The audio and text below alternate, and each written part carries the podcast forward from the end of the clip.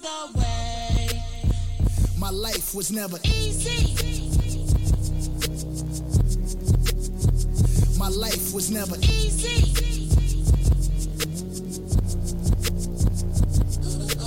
Started in my cutlass, clutching heat like it's an open oven. Puffing chronic, puffing Biggie out the window, speaker subbing.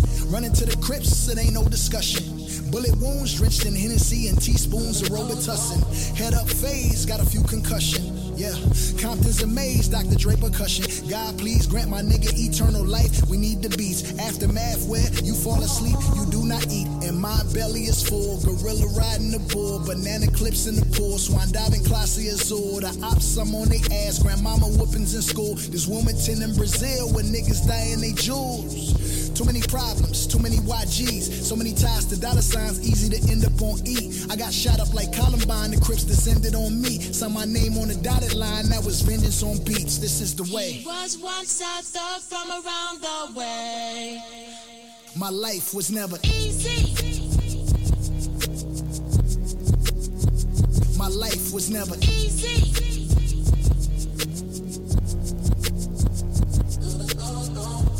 There it is, it was. Don't interrupt, just because it's no love. Shoulder shrug. I ain't bring nothing to the table when I'm the table. I'ma turn up the music, wake up the neighbors. I'ma get that thug life tatted across the navel. It's how I am in real life, not just cable. Mr. Narcissist, tell me about my arrogance. No more counseling, I don't negotiate with therapists. God, yeah, let God in. But tonight, I guess I let my pride win. Cousin Dre send me scriptures, help me see life better. Nigga, we having the best divorce ever. If we go to court, we'll go to court together. Matter of fact, pick up your sis, we'll go to courts together. I watch four kids for like five hours a day. I wear these Yeezy boots everywhere, even in the shower today. I got love for the nannies, but real family is better. The cameras watch the kids, I stop taking the credit. Not custodial dad, I bought the house next door. What you think the point of really being rich for? When you give them everything, they only want more.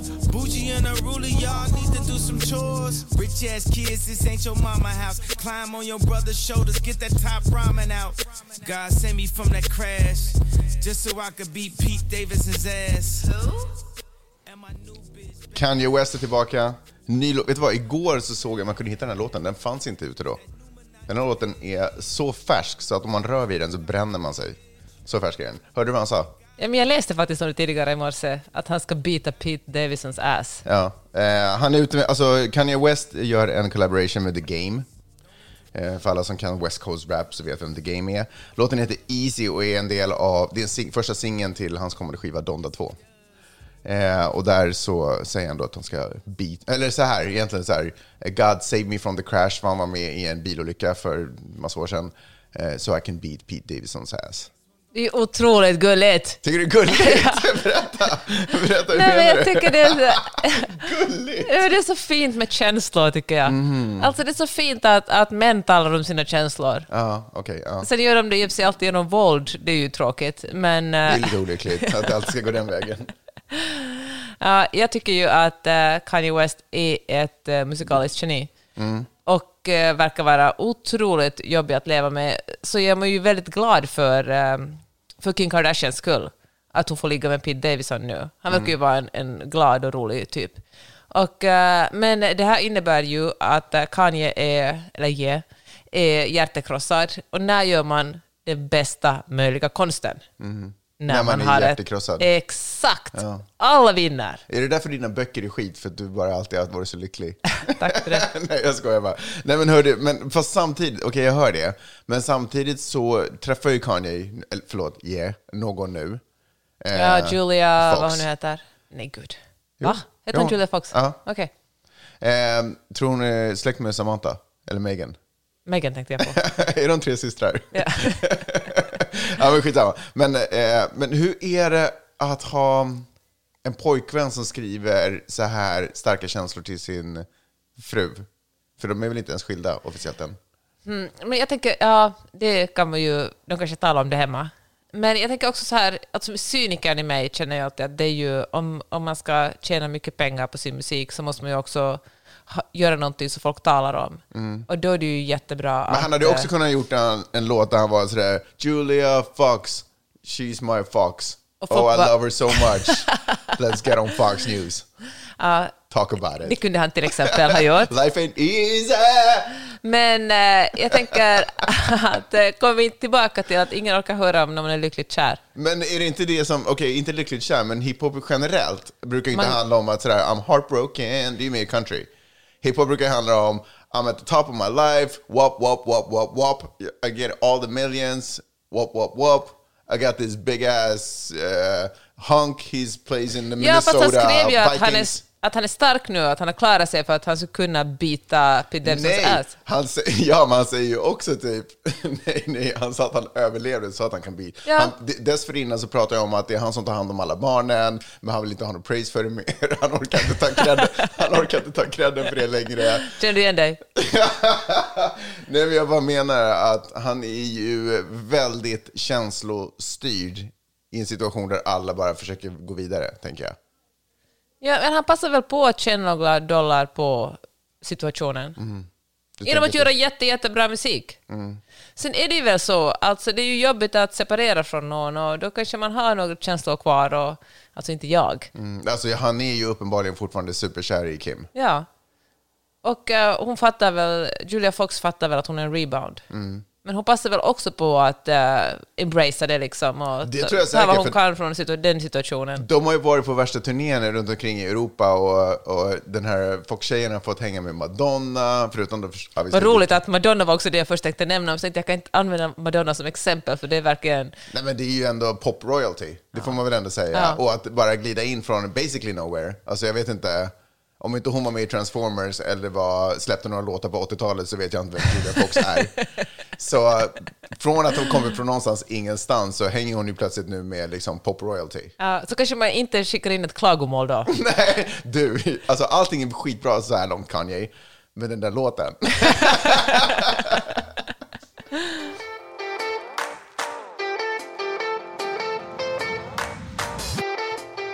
lyssnar på Magnus och Peppes podcast.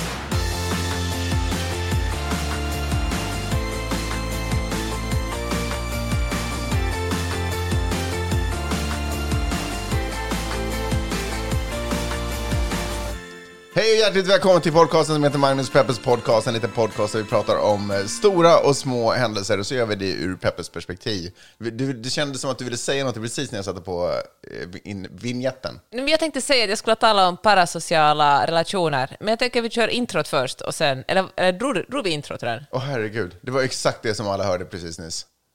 Vadå?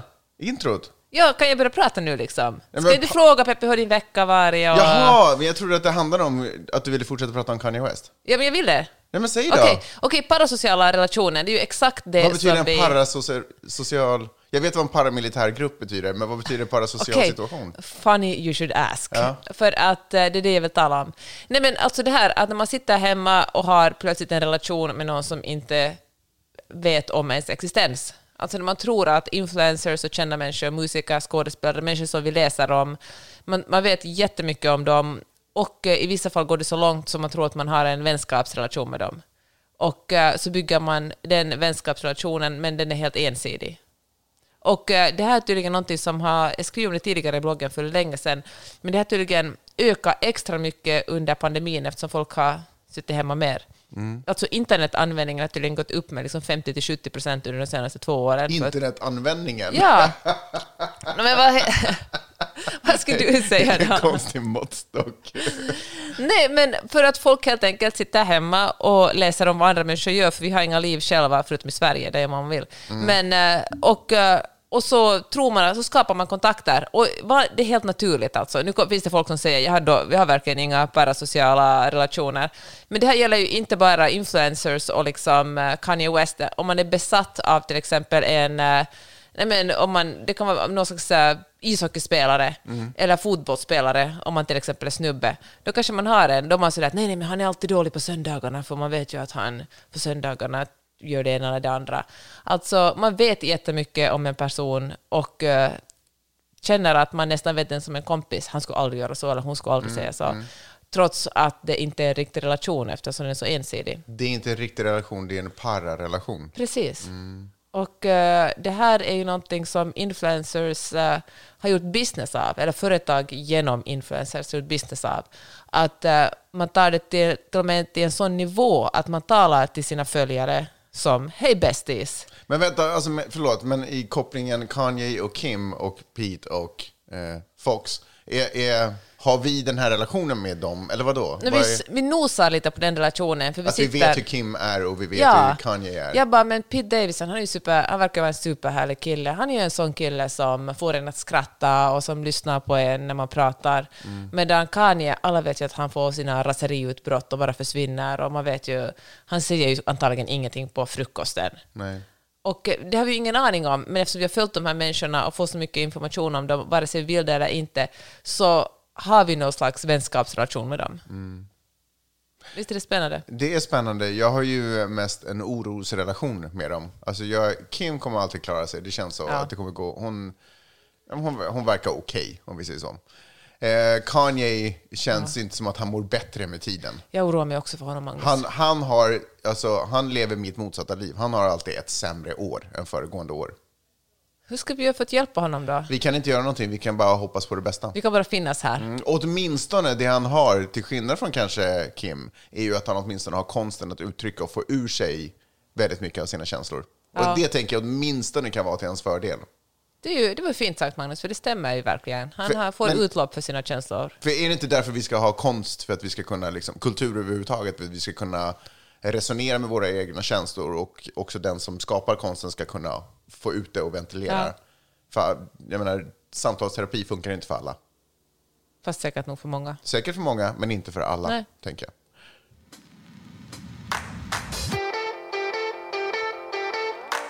Hur har veckan varit?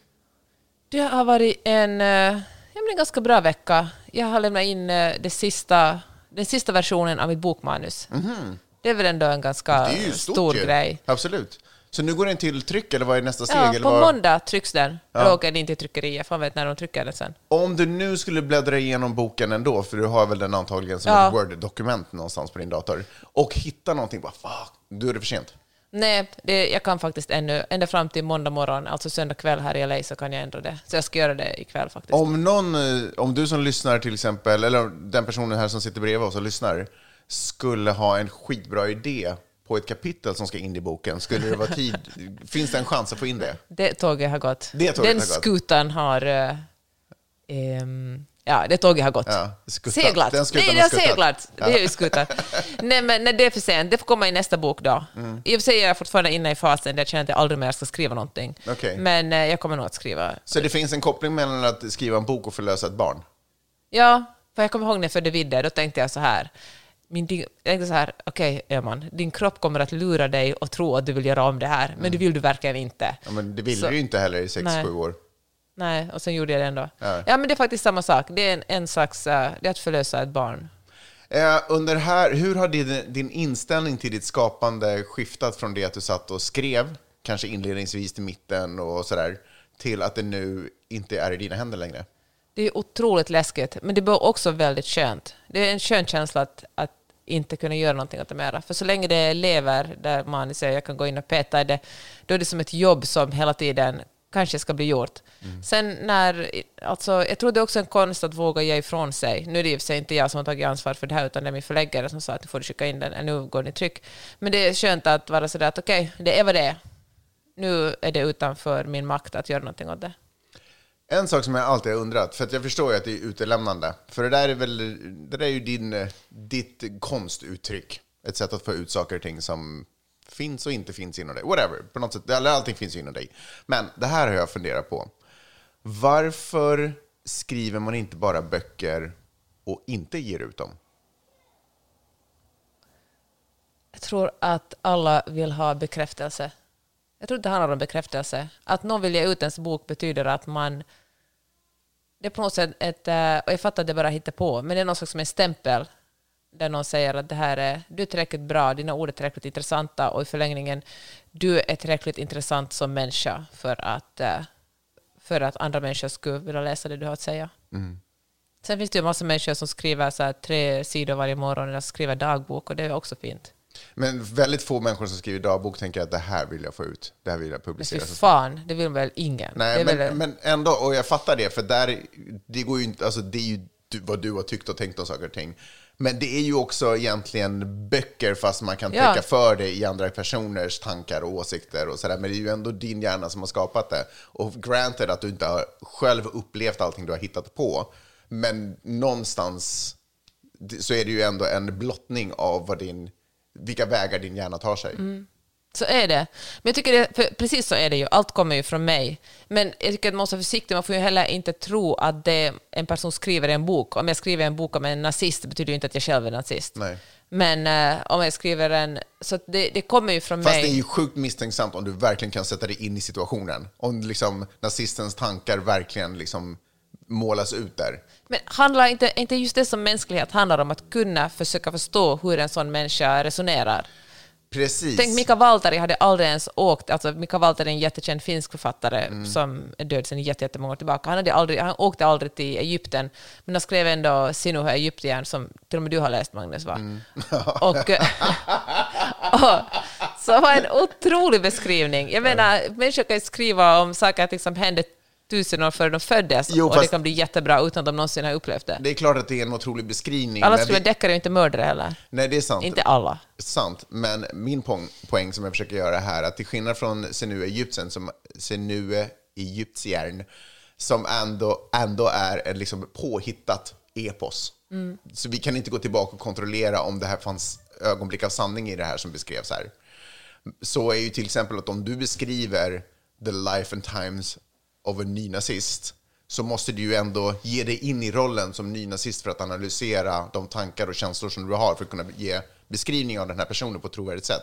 Vilket egentligen måste betyda på något sätt för att du ska vara trovärdig i din övertygelse som nazist måste vara nazist för ett ögonblick.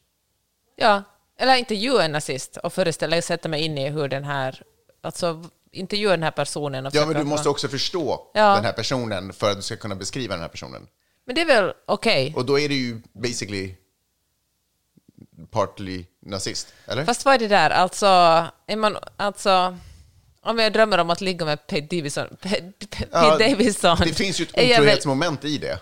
Alltså det är klart Men- att det finns ett otrohets... Alltså en del av det är ju en otrohet. Om du drömmer om andra män så spelar det väl tekniskt sett inte någon större roll än om du skulle springa iväg med. Alltså vad har jag för nytta av dig ändå om du ändå sitter och tänker på andra män? Men gud, alltså det där är väl jättekonstigt. Nu säger, Jag säger jag inte att, för, for the record, jag sitter inte och drömmer om att ligga med andra män. Men det där är väl, det är väl bara sunt att kunna sätta sig i andra människors situationer Nej, och hur det är alltså, att ligga med andra människor. Om det går så...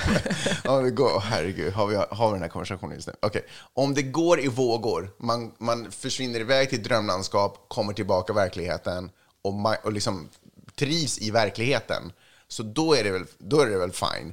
Men om man försvinner iväg i drömlandskapet och känner att jag vill inte tillbaka till verkligheten, det är väl då man har problem.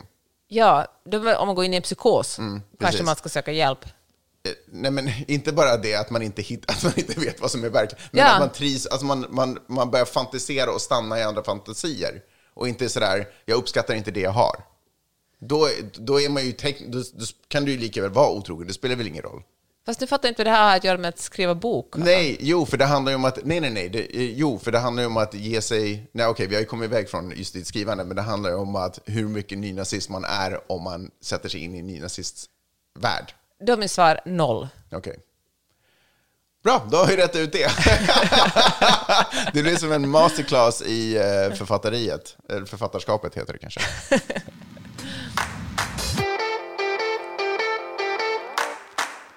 Ska vi prata om saker som har hänt i veckan? Ja. En av de saker som jag tycker faktiskt är mest eh, tragiskt, inte tragiskt, men som jag tycker är... Eller fan, det, det puttrar ju hela världen. Alltså världen är verkligen... Jag, jag kan inte riktigt se att pendeln har svängt ännu. Det är fortfarande väldigt mörkt. Vi har Ryssland som håller på och härjar i eh, Ukraina och Afghanistan... Nej, nej, nej. I nej, nej. Sverige? Inte de lite... Eh, Östersjön är de i Ja. också, precis. Som inte är svenskt vatten. Nej, men jag tänkte på att Gotland, att liksom, eh, det går militärer på gatorna i Gotland. Det är i och för sig sjukt gulligt. Kan vi prata om det ett ögonblick? Ja. Det är alltså så att eh, Ryssland som vanligtvis kanske har ungefär, om jag läste hela rätt, typ fyra skepp, fartyg, eh, militärfartyg i Östersjön.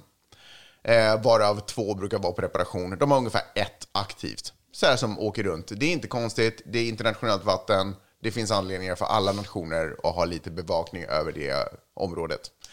Eh, nu plötsligt, över en natt, har de sex stycken, varav ett är så stort så det kan bära en bataljon och tankskepp och grejer. Alltså det är en, verkligen en upprustning. Eh, det här har gjort att Sverige känner att Sverige måste markera. och Sverige är alltså ett land som för det första, där eh, värnplikten har skurits ner till ungefär 0,1 procent av vad den en gång i tiden har varit. Så Sverige har förflyttat trupper till Gotland, som i och för sig är en strategisk... Det är väl ändå logiskt? det är 100% logiskt. Men när man tittar, alltså, men det är ju Det är fortfarande... inte Göteborg liksom. Det är inte Göteborg, så här, vi flyttar alla trupper till andra sidan landet. Vi vill att de ska vara i säkerhet. Ja, vi har frågat Norge om de kan ta emot lite trupper för att, inom situationstecken, försvara Norge. Nej, men eh, så de har flyttat över trupper för att markera att här, Sverige vill markera att vi ser vad ni gör, vi är inte helt okej med det, så vi flyttar våra styrkor inom situationstecken till Gotland, som är en jätteliten ö. Eh, I utkanten av Östersjön, ska man väl också säga. Eh, Men det, jag kan förstå att det är viktigt att markera.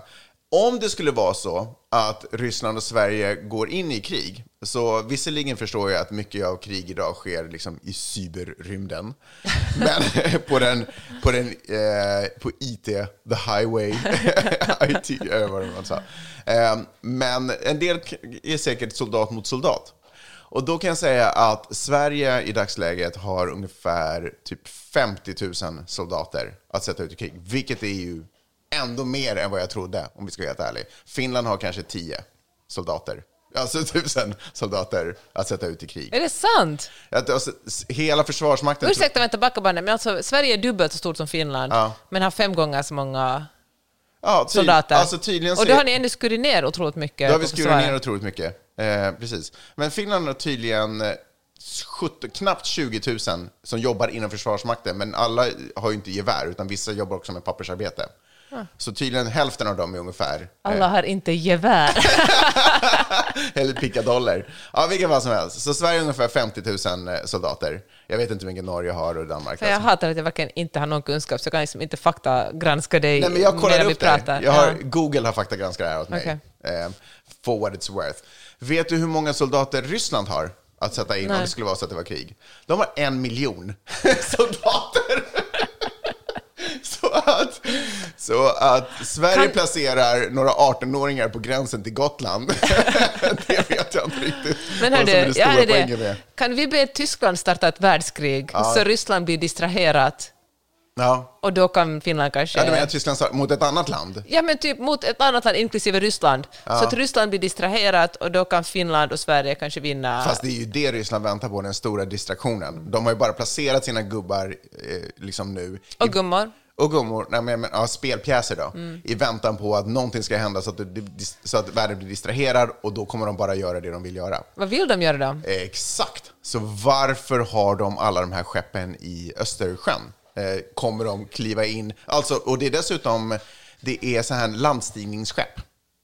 Kommer de göra det för att ta över Sverige, Finland, Tyskland, Danmark, eh, Polen, Estland, Lettland, Litauen, alla de där länderna som, eh, som ligger nära Östersjön, eller som gränsar till Östersjön? Troligtvis inte. Utan det, man troligt, det de troligtvis eh, gör är att de försöker förhindra, därför att de vill ju in i Ukraina. Det är det de håller på med. Så de vill hindra vägarna, så att, hjälpvägarna helt enkelt. Så att om ett annat land känner att de vill komma in och försöka hjälpa Ukraina så har de åtminstone skurit av vattenvägen. Att det är det de gör. Så att jag tror inte att det är så mycket värt att liksom sätta några gevär på Gotlands kust och försöka styra upp den här situationen. Utan i så fall så måste det ut med liksom, skepp som kan guida och eh, liksom lotsa andra militärskepp eller fartyg till Ukraina.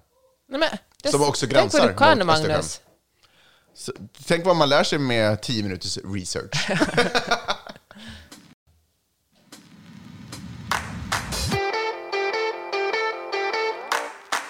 Alla de politiska poddar jag lyssnar på, amerikanska politiska poddar, har de senaste veckorna handlat om eh, ett potentiellt inbördeskrig i USA. Oj. Och eh, det, tydligen har USA aldrig varit så nära inbördeskrig sedan inbördeskriget, alltså när man bråkar om, om det ska finnas slaveri eller inte. Och på den tiden var det förresten demokrater som tyckte att det var ganska soft med slaveriet och republikanerna sa nej. Sydstaterna var traditionellt demokrater. Ja, Tänk hur det kan svänga om. Nu Har han- vi pratat om många gånger i podden. Ja, det har vi. Och nu handlar det ju om att eh, ingen riktigt litar på den andra. Alltså, det finns fortfarande en majoritet av eh, republikanerna, och inte bara liksom en liten majoritet, utan 60-70 procent av republikanerna, de som röstade på Trump i förra valet, tror att eh, Biden lurar till sig, eller demokraterna lurar till Biden presidentskapet, att Trump är den riktiga presidenten. Och att inte lita på valresultat är ju katastrofalt för en demokrati.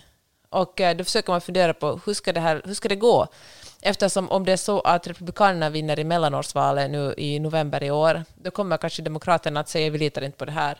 För att, ni, eh, för att Republikanerna har varit inne och, och eh, ordnat så mycket gerrymandering och liksom sett, gjort vallagar som gör det svårare för andra människor att rösta. Så vi kommer inte att acceptera de här resultaten. Och i ett land där man inte litar på varandra finns det en så djup spricka så det helt enkelt inte går att mötas. Och då kan man säga, blir det ett krig? Knappast ett krig där man skjuter på varandra, men kanske en konflikt som leder till att eh, det, här landet ska bli två länder. Och det här är, det här är liksom, Den kartan skulle man vilja se ritas upp. ja, det blir städerna och För kusterna. vad gör man med swing states? Ja, men precis. Det är ju alltså... Texas till och med, som är en ganska stor Ja. stat, och ändå, man tittar på Texas som om det vore en republikansk stat, men egentligen börjar närma sig väldigt mycket en demokratisk stat. Verkligen, med tanke på otroligt många demokrater som flyttar in i den här Så delstaten. splittras stater också då. Ja, och i praktiken kommer det garanterat inte att hända. Jag tror det skulle vara väldigt svårt för folk att rösta igenom att, att en del stater skulle kunna lösgöra sig från de andra staterna. Ja, för många av de här staterna som är republikanska är också ganska fattiga. Precis. Och eh, det här är, ja, men, eh, det här är ett så stort problem så alltså försvarsexperter i Kanada har sett USA potentiellt bli en fascistisk stat inom, inte nästa val, men sen nästa presidentval.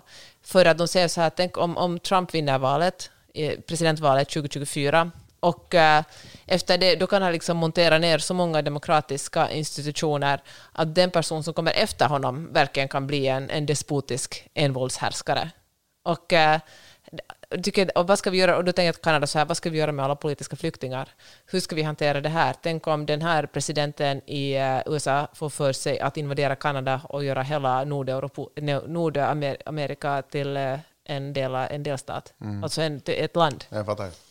Anne- annektera eh, Kanada, liksom. Ja, Just det. alltså det är ju, den, här, den demokratiska krisen i USA är ju monumental just nu. Men hör du, eh, ligger inte räddningen i eh, det juridiska systemet? Ja, men ett problem är att Trump också kunde, han nominerar väldigt många domare. I högsta domstolen, ja, men det finns ju ändå ett juridiskt system på delstatsnivå. ja, men också på delstatsnivå. Det är därför det är så lätt för många delstater, till exempel Georgia, att göra strängare vallagstiftning. Och- med strängare så betyder det att det ska vara svårare för svarta och, eh, att rösta. Eftersom, eh, och de, de domare som, som Trump har nominerat, alltså på delstatsnivå, de eh, sitter där och bestämmer och tycker att det är ganska okej. Så det är inte alls bara i, i högsta domstolen som man har haft sitt finger med i spelet.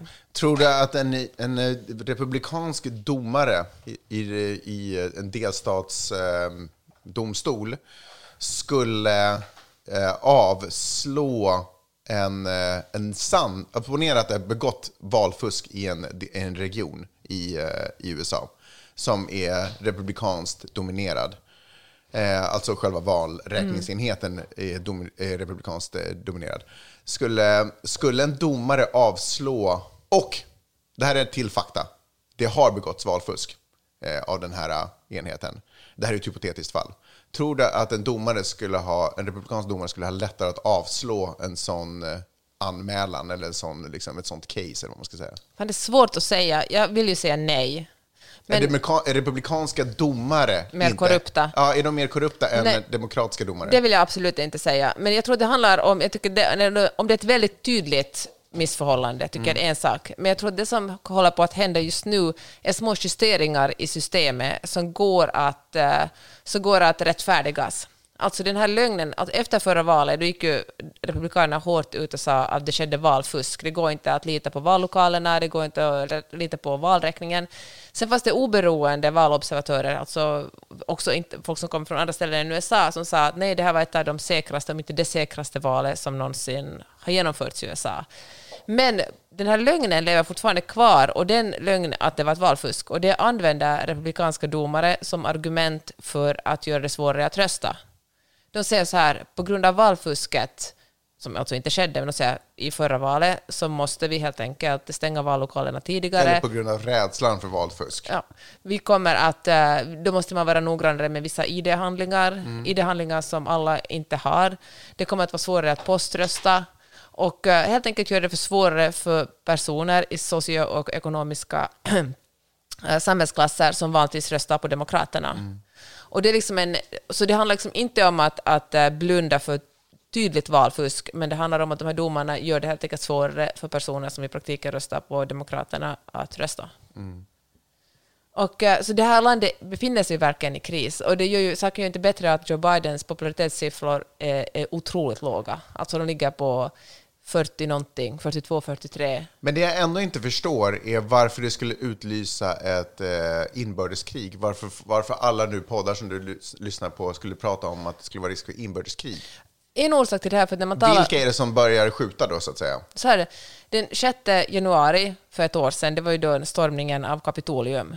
Och eh, då tänkte man så här, men det är extrema styr, det är liksom eh, Qanon-anhängare, det är liksom folk som har ex, extrema grupper. Men när man har börjat gå igenom de här och liksom sett, det var ju alla filmar ju sig själva, så det var ganska, ganska lätt att, att få reda på vem som egentligen var i den här gruppen av hundratals personer som stormade Kapitolium.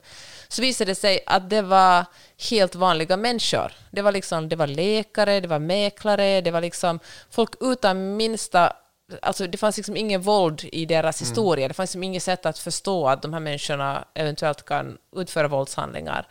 Och på basen av det bör, misstänker man att det finns en, en, eh, en grupp som liksom aldrig förr har, har varit extrem, men som, vad heter det, man blir extrem, alltså när man... eh, Ja, Ja, just det. Jag vet, jag vet vad du menar. Ja. Som, eh, Som helt enkelt kan, kan dras med. ja, sånt. och, och delvis är det såklart sociala medier. Radikaliseras. Radikaliseras, exakt. En grupp som är helt, alltså det är vem som helst granne som man hälsar Mm. på och som är helt vanlig. Och eh, om den här personen så där enkelt bara kan radikaliseras på en ganska kort tid och liksom storma Kapitolium där demokratin finns, då finns det liksom ett, ett bubblande hot under ytan i USA. Mm. Men jag menar, om Republikanerna som då tycks vara, eller jag vet inte, är de aggressivast? Är det de som lättast tar till vapen? Jag tror att det de Men som om de så. vinner så får ju de som de vill. Varför skulle de då ta till vapen? Ja, kanske det inte blir ett våldsamt, kanske inte blir ett blodigt inbördeskrig. Vad Mhm. vet jag? Kanske det, jag vet faktiskt inte. Alltså, ja. Eller tänker du att Demokraterna är sådär holy crap? Att, eller liksom vanliga människor eh, på en mer, på en eh, rödare, nej vänta, är de blåa? Fuck, jag kommer inte ihåg. Demokraterna är blåa blåa. och Republikanerna är röda. Just det, på en, alltså folk med liksom blåare flaggor, att de skulle då vara sådär holy crap, vårt land håller på att tas över, nu måste vi ta till vapen. Och det är väl bevisat det, alltså att folk är alltid, alltså när man bara snackar och sånt här så tar sig folk till Target för att köpa vapen. Men, äh, ja, fan vet jag, visst får, den som lever får se. Men äh, det här landet är extremt splittrat och tyvärr kunde inte Joe Biden leva upp till, äh, till det han lovade, att kunna ena det här landet. Nej. En annan sak, får jag säga en annan sak som jag sagt, som kanske sagt tidigare, men som jag tänker på nästan varje dag, det är det här otroligt töntiga Let's Go Brandon som du talade om några veckor sedan. Mm. För det var någon som jag var tvungen att avfölja på Twitter som hade hashtag Let's Go Brandon. För att eh, den stora skillnaden är ju att liksom ingen demokrat har ett problem med att säga fuck you Joe Biden. För att eh, om, man, om man vet lite om politik så förstår man ju att folk som är folkvalda, alltså personer som är folkvalda, som senatorer eller, eh, eller presidenter, de jobbar för folket. De är liksom inte en kung eller en kejsare. Eller liksom, men, eh, men för många, inte alla republikaner såklart, så skulle, är det liksom en, en dödssynd att kritisera sin ledare. Och, eh, och då tror de att om man säger eh, fuck you om sin ledare, det är, liksom, det är det värsta brottet man kan begå. Då tror de att, att demokraterna resonerar på samma sätt. Att, att, eh, att, ja, att, och därför tycker de att de är så underfundiga när de säger eh, let's go Brandon istället för fuck you Joe Biden. Mm. Men jag tror ändå, alltså jag vill inte tro att, precis, fine att det du säger, att man så kan radikaliseras, man hamnar i en situation och man vet man förstår inte bättre, man dras med i grupptryck och whatever. Men jag vill inte tro att liksom, att demokrater, alltså individerna, människorna, inte ledarna, att det är liksom illvilliga människor. Som Republikanerna. Van, rep, bland republikanerna. Att 50 procent är liksom illvilliga människor. Jag tänker att det, det låter propagandiskt för mig. Då börjar jag se så Det här, är okunskap snarare. Ja, jag börjar, nej, nej, nej, men när man pratar om, att, pratar om det som att republikaner vill illa och på något sätt är benägna till mer benägna till korruption eller ta till vapen, då får jag sådana här liksom, andra världskriget posterbilder där man försöker liksom, när man pratar ner en folkgrupp, liksom, förstår du vad jag menar? Men nidbilder av vad republikaner är. Jag tänker att fine att oron är riktig och, och, och, och sann i de, här, i, stor, i de här grupperna, men jag tror inte att det nödvändigtvis gör de här till onda och elaka människor som vill fuska eller som vill på något sätt göra. Så att det kan ju mycket väl vara att de finner sig själva i en situation där de själva måste fatta beslutet att demokrater har vunnit det här valet. Mm. Jag tror att, och det finns ju små ljusglimtar. Det var en senator från, eh, nu minns jag inte om North eller South eh, Dakota, som, sa att, eh, som gick ut och sa att vi måste acceptera att Republikanerna förlorar presidentvalet. Det kan ju låta som en självklarhet att man säger så, men det är det verkligen inte. Men han vågar också gå ut och säga det här eftersom han går till återval 2026. Han, går som inte, han, han har inga problem. Alltså för Trump har ju också gjort så att de som, inte, de som säger att han förlorar, de drar Trump sitt stöd för och riktar liksom kritikkampanjer mot. Och eh, de har ju som, men tänk bara, Liz Cheney till exempel, som är typ den enda senator som öppet har kritiserat Donald Trump. Hon förlorar genast all sin makt inom partiet och, liksom, och Trump jobbar stenhårt för att hon ska bli utröstad.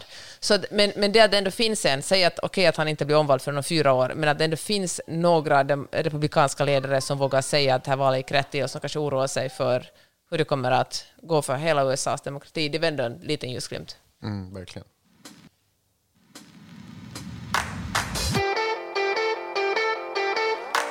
Helt annat eh, tema är, du är ju inne på, heter det NFTs? Ja, Mm, du är ju lite, du håller ju på, håller på med sånt. nej. Jag skojar bara. Kan du bara snabbt, jag kommer inte ihåg vad NFT står för. Non-fungible tokens. Non-fungible tokens. Jag förstår inte ens vad det Alltså det betyder. att du lägger ut, du äger, du lägger ut en bild, ett konstverk, en meme, en video, som, eller du, köp, du kan köpa ett eller lägga ut en egen. Lägger du ut en egen kan du sälja den eller låta folk uh, buda på den. Och eh, är du, vill du köpa en sån kan du buda på en sån såklart. Och eh, sen äger du originalet. Det är som att äga originalet av Mona Lisa. Sen kan det finnas kopior av Mona Lisa. Du kan ha en poster på väggen som är Mona Lisa. Eller du kan ta Ctrl-C och kopiera den om du har det online. Men eh, Ja, så det är alltså inte alls som att äga Mona Lisa? Nej, exakt. det finns inte en chans att man tar kontroll C på Nej. Mona Lisa. Men eh, det här sker ju alltså helt digitalt. Ja, just det. Eh, så det är alltså inte alls som Mona Lisa, eh, eftersom om strömmen går så finns Mona Lisa fortfarande kvar, eller hur? Rätta mig om jag har fel. Ja, men typ ja. Ja, vilket fall som helst, superpopulärt, hypas och eh, pratas väldigt mycket om just nu. Och eh, någonting som också spelbolag har eh, börjat liksom applicera, att man kan köpa skins till sina karaktärer. Alla håller på att preppa för the metaverse, att vi ska äga saker digitalt. Och jag ska äga, det här ska vara min båt, du kan inte kontroll-C min digitala yacht och sen lägga den i din egen digitala hamn, utan det här är min båt och mina Nej, tvärtom är det exakt vad du kan. Du kan kontrollsäga det. Fine, men du kan inte äga min original Nej. utrustning. Precis. Fast det är ju svårt att kontroll, kontroll-C i ett kontrollerad digital miljö. Förstår du vad jag menar? Mm. Okej, skitsamma. Eh, och, men, värsta backlashen. För det här verkar inte alls the gaming world eh, gilla. Mhm. Eh, de har fått eh, spelbolag som har försökt introducera det här. Köp den här skinnen, köp den här, köp den här, köp den här. Du äger sen det här. Har varit tvungna att ta ner hela den Jaha. strategin därför att eh, folk som sitter och spelar, ungdomar och eh, yngre vuxna, och kanske vuxna, är sådär, men det här är bara ytterligare ett sätt att mjölka, för vem är det som på riktigt blir rik i bakgrunden? Och vem är det som på riktigt betalar? Och vem är det som på riktigt betalar? Vem är det som betalar för V-bucksen? Ja. Samtidigt så sprids ju också skvaller slash nyheter om att kändisar, det är en NBA-spelare tror jag det var, och bland annat Kim har nämnt, Kim Kardashian har nämnt i den grejen, där, eh, där de här stora profilerna driver upp eh, eh, värdet på okända kryptovalutor. Eh, Och det här säger du eftersom både, det är blockchain bakom både NFTs och eh, kryptovalutor. Exakt, de är alla relaterade, samma, samma eh, del av samma sorts eh, ekonomi. Och eh, i alla fall, så de här kändisarna driver upp värde på de här okända valutorna. Folk blir superpeppade, folk vill vara med, folk vill göra ett klipp och då sticker kändisarna och cashar ut till, ironiskt nog, riktiga dollars. Eh, Medan andra är kvar på vinst och förlust i en eh, kryptovaluta som utan kändisars kanske stora namn inte lever på samma sätt lika länge. Eh, Så då börjar man ju fundera på, händer det här är i krypto och det här NFT, blockchain-grejen, vad ska man tro om det? Vissa säger du kan bli miljonär, kolla på min Porsche, den köpte jag på krypto, av kryptovaluta. Andra säger det här är ett ponzi-scheme, det vill säga att de som, är, ja, de som är inne först är de som blir Mm. rikast. Men så är det väl. Jag tänker att hela alltså, tanken bakom den, att det ska vara helt transparent, och Mm. alltså hela blockchain-tanken, den är väl en jättebra tanke. Att för att, eh, istället för att det ska finnas banker som tar en massa mellansummor och bestämmer. Och men gud, om vi verkligen tittar på hur riktiga pengar fungerar så är det ju också ett ponzi-scheme. Det är bara det ponzi-schemet styrs av banker och egentligen ganska mycket ett spel banker emellan. För det finns ju inte, det finns ju inte sedlar tillräckligt mycket som motsvarar de pengar som finns ute. Det vill säga att om alla plötsligt gick till banken och sa jag vill ha cash nu, så skulle banken inte kunna leverera och ekonomin skulle liksom falla och dö.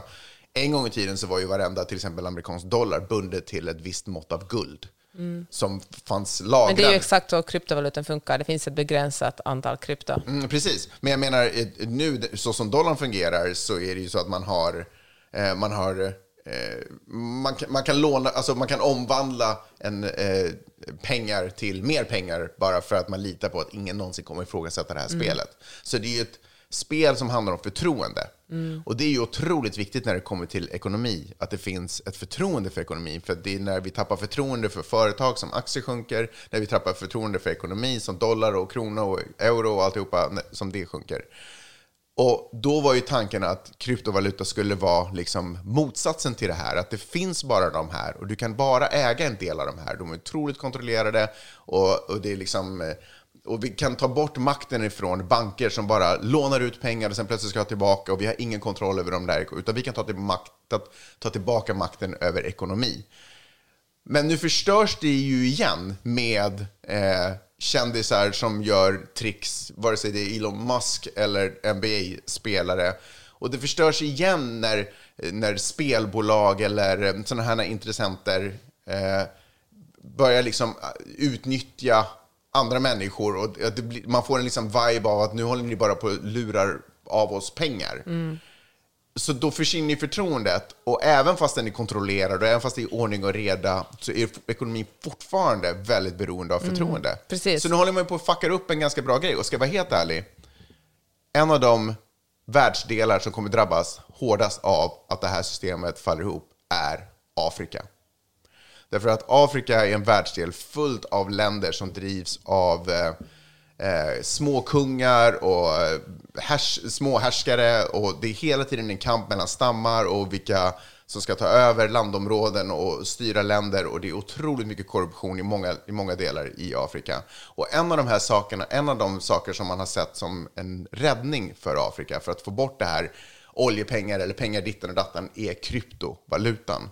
Att det skulle vara en ordnad ekonomi så alla har möjlighet till sin egen ekonomi istället för att plötsligt kostar ett paket eller en, en liten mjölk kostar plötsligt miljontals i valutan från, och en andra dag kostar det noll. Men med kryptovalutan skulle man kunna stabilisera ekonomin och folket skulle få tillbaka makt över pengar. Så att de inte bara hamnar hos warlords. Nu är det ju väldigt generaliserande att säga att Afrika är på ett visst sätt. Nej, jag sa många länder i Afrika, att, och- en, att en världsdel som kommer drabbas hårt av. Och det beror också på att eh, Europa kolonialiserar Afrika och uh, hittar... Jo, men det här skulle kunna vara en räddning, därför Ja. att det finns ju massa warlords som nu tar alla pengar ifrån folket. Folket har ingen chans att få tillbaka de här pengarna. Så vilket gör att de har väldigt små medel att, att, att eh, lösa sin vardagsekonomi med, för att de fysiska pengarna ligger någon annanstans. Ett eh, jättestort problem med kryptovalutan och också NFTs är ju eh, belastningen på klimatet. Alltså det krävs enorma serverhallar för att eh, göra krypto, alltså mina krypto, och få hela det systemet att hålla igång. Och de måste bli kraftigare hela tiden för att de här kryptorna, för att man inte ska kunna hacka det på något sätt, så blir det mer, allt mer komplicerade beräkningar för att skapa ett nytt. Väldigt komplicerat för min lilla hjärna. Hur som helst finns de flesta av de här serverhallarna i västra Kina, eftersom där är el ganska billigt ännu, eftersom man inte bryr sig så mycket om kol och liksom att skita ner klimatet. Och, eh, så det är ett jättestort miljöproblem. Ju fler människor som använder krypto och eh, NFTs och överhuvudtaget den här blockchain, desto större belastning är det för klimatet. Mm. Jag minns inte, det var en nation som också hade gjort, i Sydamerika tror jag, som hade gjort kryptovaluta till en officiell. Minns jag det här fel? Nej, det kommer inte ihåg. Jag kommer inte ihåg. El Salvador kanske? Nej, jag minns inte. Ja, strunt samma. Ja, det är väl kanske inte ett land att följa Ja. exempel av. Men, men jag tycker att det är sjukt ledsamt när bra idéer genast plockas upp av marknadskrafter och så förstör man det. Liksom. För det finns inte en suck på jorden där jag kommer att gå in och investera i en digitaliserad, ett digitaliserat konstverk eller digitaliserad fucking whatever. Eller att jag skulle investera en cent i någon form av kryptovaluta som sen styrs av någon, antingen någon dude som drömmer om att åka till rymden eller, eh, eller någon annan typ som vill sälja smink till hela världen till vilket pris som helst.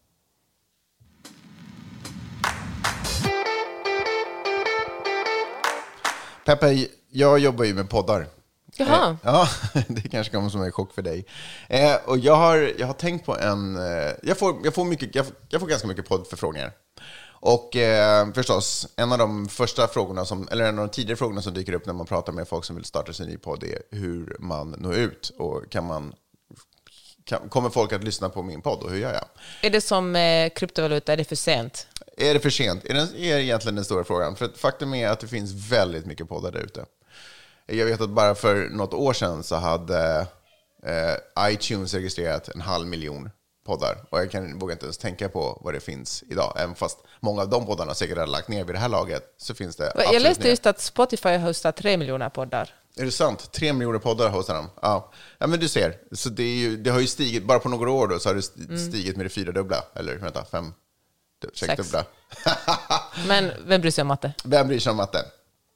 Eh, så då, då tänkte jag ta ett litet ögonblick här och, tänk, och prata till dig som, som är intresserad av att starta en liten, en liten podd. Eh, och så, och svar, försöka svara på frågan om vad som är väsentligt för att en podd ska nå ut. Och då skulle jag vilja börja med att säga att det finns naturligtvis olika sorters poddar. Det finns poddar som, eh, kallas, som blir poddar efter att någon har gjort ett radioprogram och så, så lägger man ut det på nätet. Boom, podcast. Eh, men sen så finns det också personliga betraktelser, någon som kanske älskar blommor, eh, flora, och vill göra en eh, serie om, om det och nå ut till sin lilla blomgrupp som de kanske har tillsammans. Så det finns massa olika sorters poddar. Men det jag tror är väldigt viktigt att förstå är att poddar är väldigt beroende av ett community. En liten sammankomst. Så tanken om att ingen känner mig annat än min familj och mina närmaste vänner. Eh, och eh, jag ska prata om någonting som de flesta ska göra, men jag är bara sjukt rolig.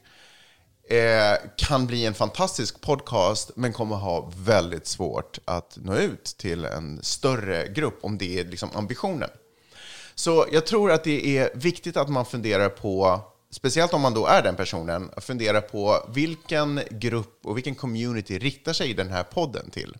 Och då kan man inte ha communityt svenska folket, om det inte är så att man har en megafon till svenska folket. Utan då måste man titta på de små grupperna och se, är det så att jag tycker om Flora, men jag känner ingen annan som gör det, men jag tycker att det är en viktig podd, då kanske man ska titta på vilka community finns där ute som pratar om blommor och så. Och så måste man liksom ge sig in i de communityna, och så måste man vara social i de communityna, och så måste man få en position i de communityna, så att det finns ett förtroende för dig i de här communityna. Och då blir du en influencer i de här communityna, och då finns det mycket större möjlighet för dig att skapa en podd som kommer höras eh, i de här communityna communityt.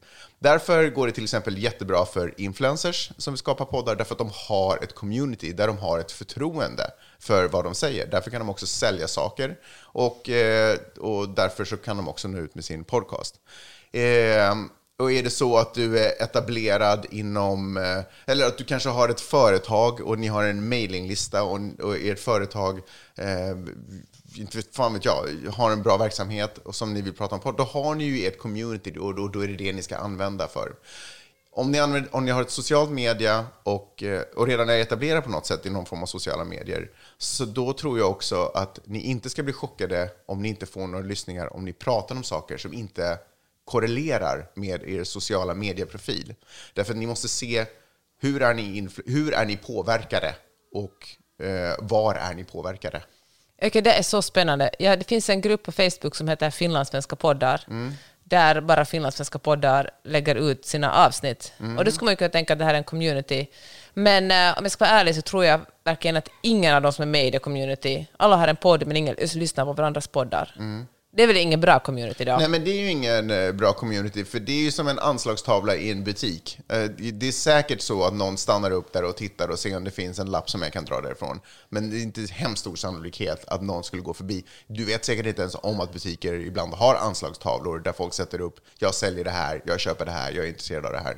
Nej, så det är ju ingen bra community, utan man måste ju titta på vilka är det man vill ha som lyssnare och vilka är det man riktar sig till. Och så måste man antingen, om man har det communityt, vända sig till dem eller ge sig in i ett, bli en aktiv del av ett sånt eh, litet samhälle och sen... Eh, Okej, men säljer säg att, ehm, att man har då ett, om man talar om böcker då, Mm. räcker det att man bara postar en gång i månaden i den här gruppen eller skickar ut ett nyhetsbrev? Eller måste man, vad, vad liksom, vad, vad ska man sen göra? Man bara, hej, jag har gjort en podd, varsågod. Nej, men alltså, om, med den typen av podcast så skulle jag säga att den är mycket mer eh, besläktad med sociala medier än den är besläktad med radiojournalistik. Eh, radiojournalistik, eller alltså radio fungerar, liksom har fungerat, därför att det var en plats som alla vände sig till för att få information och lyssna på saker. Eh, så, så de hade ju ett aktivt, ett, en aktiv ström åt deras håll. Poddar har inte per se en aktiv ström mot sig, därför att det finns för många där ute. Man kan skapa de här strömmarna, men då måste man vara på en plats... Alltså det är ju, antingen så riktar du om en flod, eller så ställer du dig i floden. Förstår du vad jag menar? Ja, om man vill ha uppmärksamhet av fisk, ställ dig i floden. Inte försök bända floden dit du är. Eller stå på land någonstans på en åker och skrik att du har underhållning för fiskar. För det kommer liksom inte hjälpa. Förstår du vad jag menar?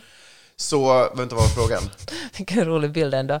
Man bara, hallå, är du en gädda? Ja, här har jag viktig information om rom för dig. Ja. Nej, men jag tänker så här, hur mycket måste man... För jag läste en artikel... Ja, hur ofta? Frekvens eller? Nej? Nej, inte ens frekvens, men hur mycket man måste liksom pamper sin community. För jag läste, läste i början av året, eller slutet av året, en grej på någon av typ Colum- Columbia Journalist Review eller något sånt här, som handlar om poddar. Och då sa de att många av de nyhetspoddarna, amerikanska nyhetspoddarna, hade gjort det misstaget att de trodde att det räckte att skaffa en bra studio, ha bra innehåll, en bra producent och sen bara sände de och så gick det mycket, ekonomiskt mycket sämre än vad de trodde. De bara, men vadå, det går ju jättebra för många andra tidigare nyhetspoddar, varför går det inte så bra för oss? Och då var analysen den att de inte upprätthöll sin eh, community.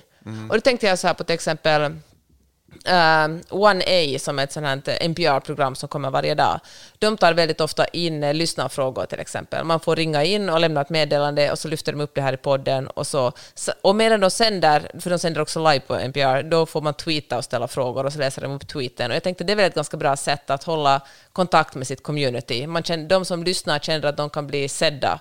Men alltså NPR är ju en eh, public service-kanal här i Ja. USA, med, med vad det ordet nu betyder här i USA.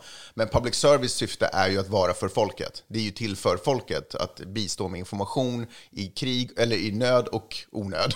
Ja. Eh, Så det, där finns ju en servicekänsla jämfört med eh, gentemot community. Jag tror att det här är A och O, därför att väldigt ofta så använder vi communities när vi behöver någonting.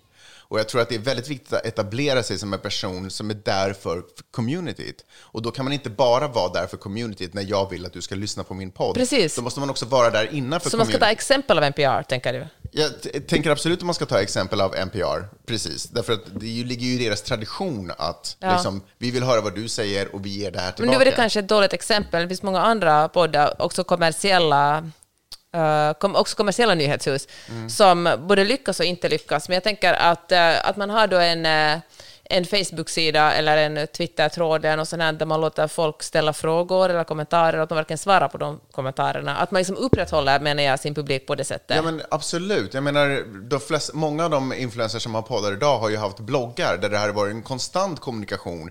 Där folk har skrivit kommentarer, de har fått svar på kommentarer, folk har blivit sedda. Eh, de upplever att den här bloggen ger mig någonting, det ger mig antingen en trygghet i vardagen, jag känner att jag inte är ensam med mina problem beroende på vad bloggen har pratat om eller vad det liksom har varit fokus för den. Så där finns ju ett community där du som eh, ledare för det här communityt eller som inflytelserik person inom det här communityt har ett förtroende av de som lyssnar på dig. Och det är ju otroligt viktigt att ha. Om du inte har ett förtroende så är det ingen som kommer vända sig till dig. Och du måste arbeta på det här förtroendet och det tar tid. Liksom, nödvändigt tar det tid om inte du Nej, men det, det gör bara det. Liksom. Det tar tid att bygga upp det. Det spelar ingen roll om du är stand-up-komiker och plötsligt har ett stort community. Någon gång så har du jobbat på att bli stand-up-komiker och det var liksom tiden du drar ner på det. Vad jag menar? Så det är klart att det tar tid. Och det här är ju genvägen som som eh, tv-kanaler gör nu, eller företag gör nu, att man anställer folk som redan har lagt ner tiden på att få ett förtroende i sin just det. community. Vilket också kan bränna dem som, för att man utnyttjar sitt förtroende som man har i sitt community. Om man inte behandlar det schysst så kommer communityt vända dig i ryggen därför att nu känns det som att du försöker sälja på oss NFTs. Förstår du vad jag menar? När vi egentligen bara ville ha, känna oss eh, att vi inte är ensamma i vår bulimi, eller vad tusan det nu kan vara. Och nu helt plötsligt ska vi köpa konstverk av dig. Förstår du vad jag menar? Jag Då blir det fattar. en dissonans där. Så det, det är liksom En kognitiv dissonans. en kognitiv dissonans. Så det, det måste man ju förstå när, för, när, en, när, föret, när influencers säljer eh, annonser till andra företag så är det ju företag som har gjort den största vinsten därför att de kan bara chippa rakt in i det här förtroendet som du har Mm, det. med din lyssnare. Förtroendet är i alla fall A och O för att du ska få en lyssnare. Om du inte litar, du som lyssnar på det här, om du inte skulle lita på det här innehållet så skulle du förmodligen inte lyssna på det här. Om det här inte är någonting där du känner att vi ser det, vi hör det, vi är intresserade av vad du tycker och tänker och, och vi har gjort vårt bästa för att du ska få riktig och korrekt information om saker som mer eller mindre intresserar dig eller åtminstone resonerar med dig så skulle du inte heller vara en lyssnare. Och det gäller alla. Så om du, återigen då, bara sammanfattningsvis, om du vill starta en podd och nå ut till folk, för man kanske också vill skriva böcker bara för sig själv. Men om du vill starta en podd och nå ut till folk så måste du titta på var finns de här människorna och så måste du bli en del av den gruppen. Sen kan du nå ut. Det handlar inte om att kasta sig in i en Facebook-tråd och säga jag har en ny podd, in och lyssna på den, bla bla bla. Utan det handlar om att vem är du, vad, vad kommer det här avsnittet att ge dig och ni kan lita på mig. Bra. Tack Magnus.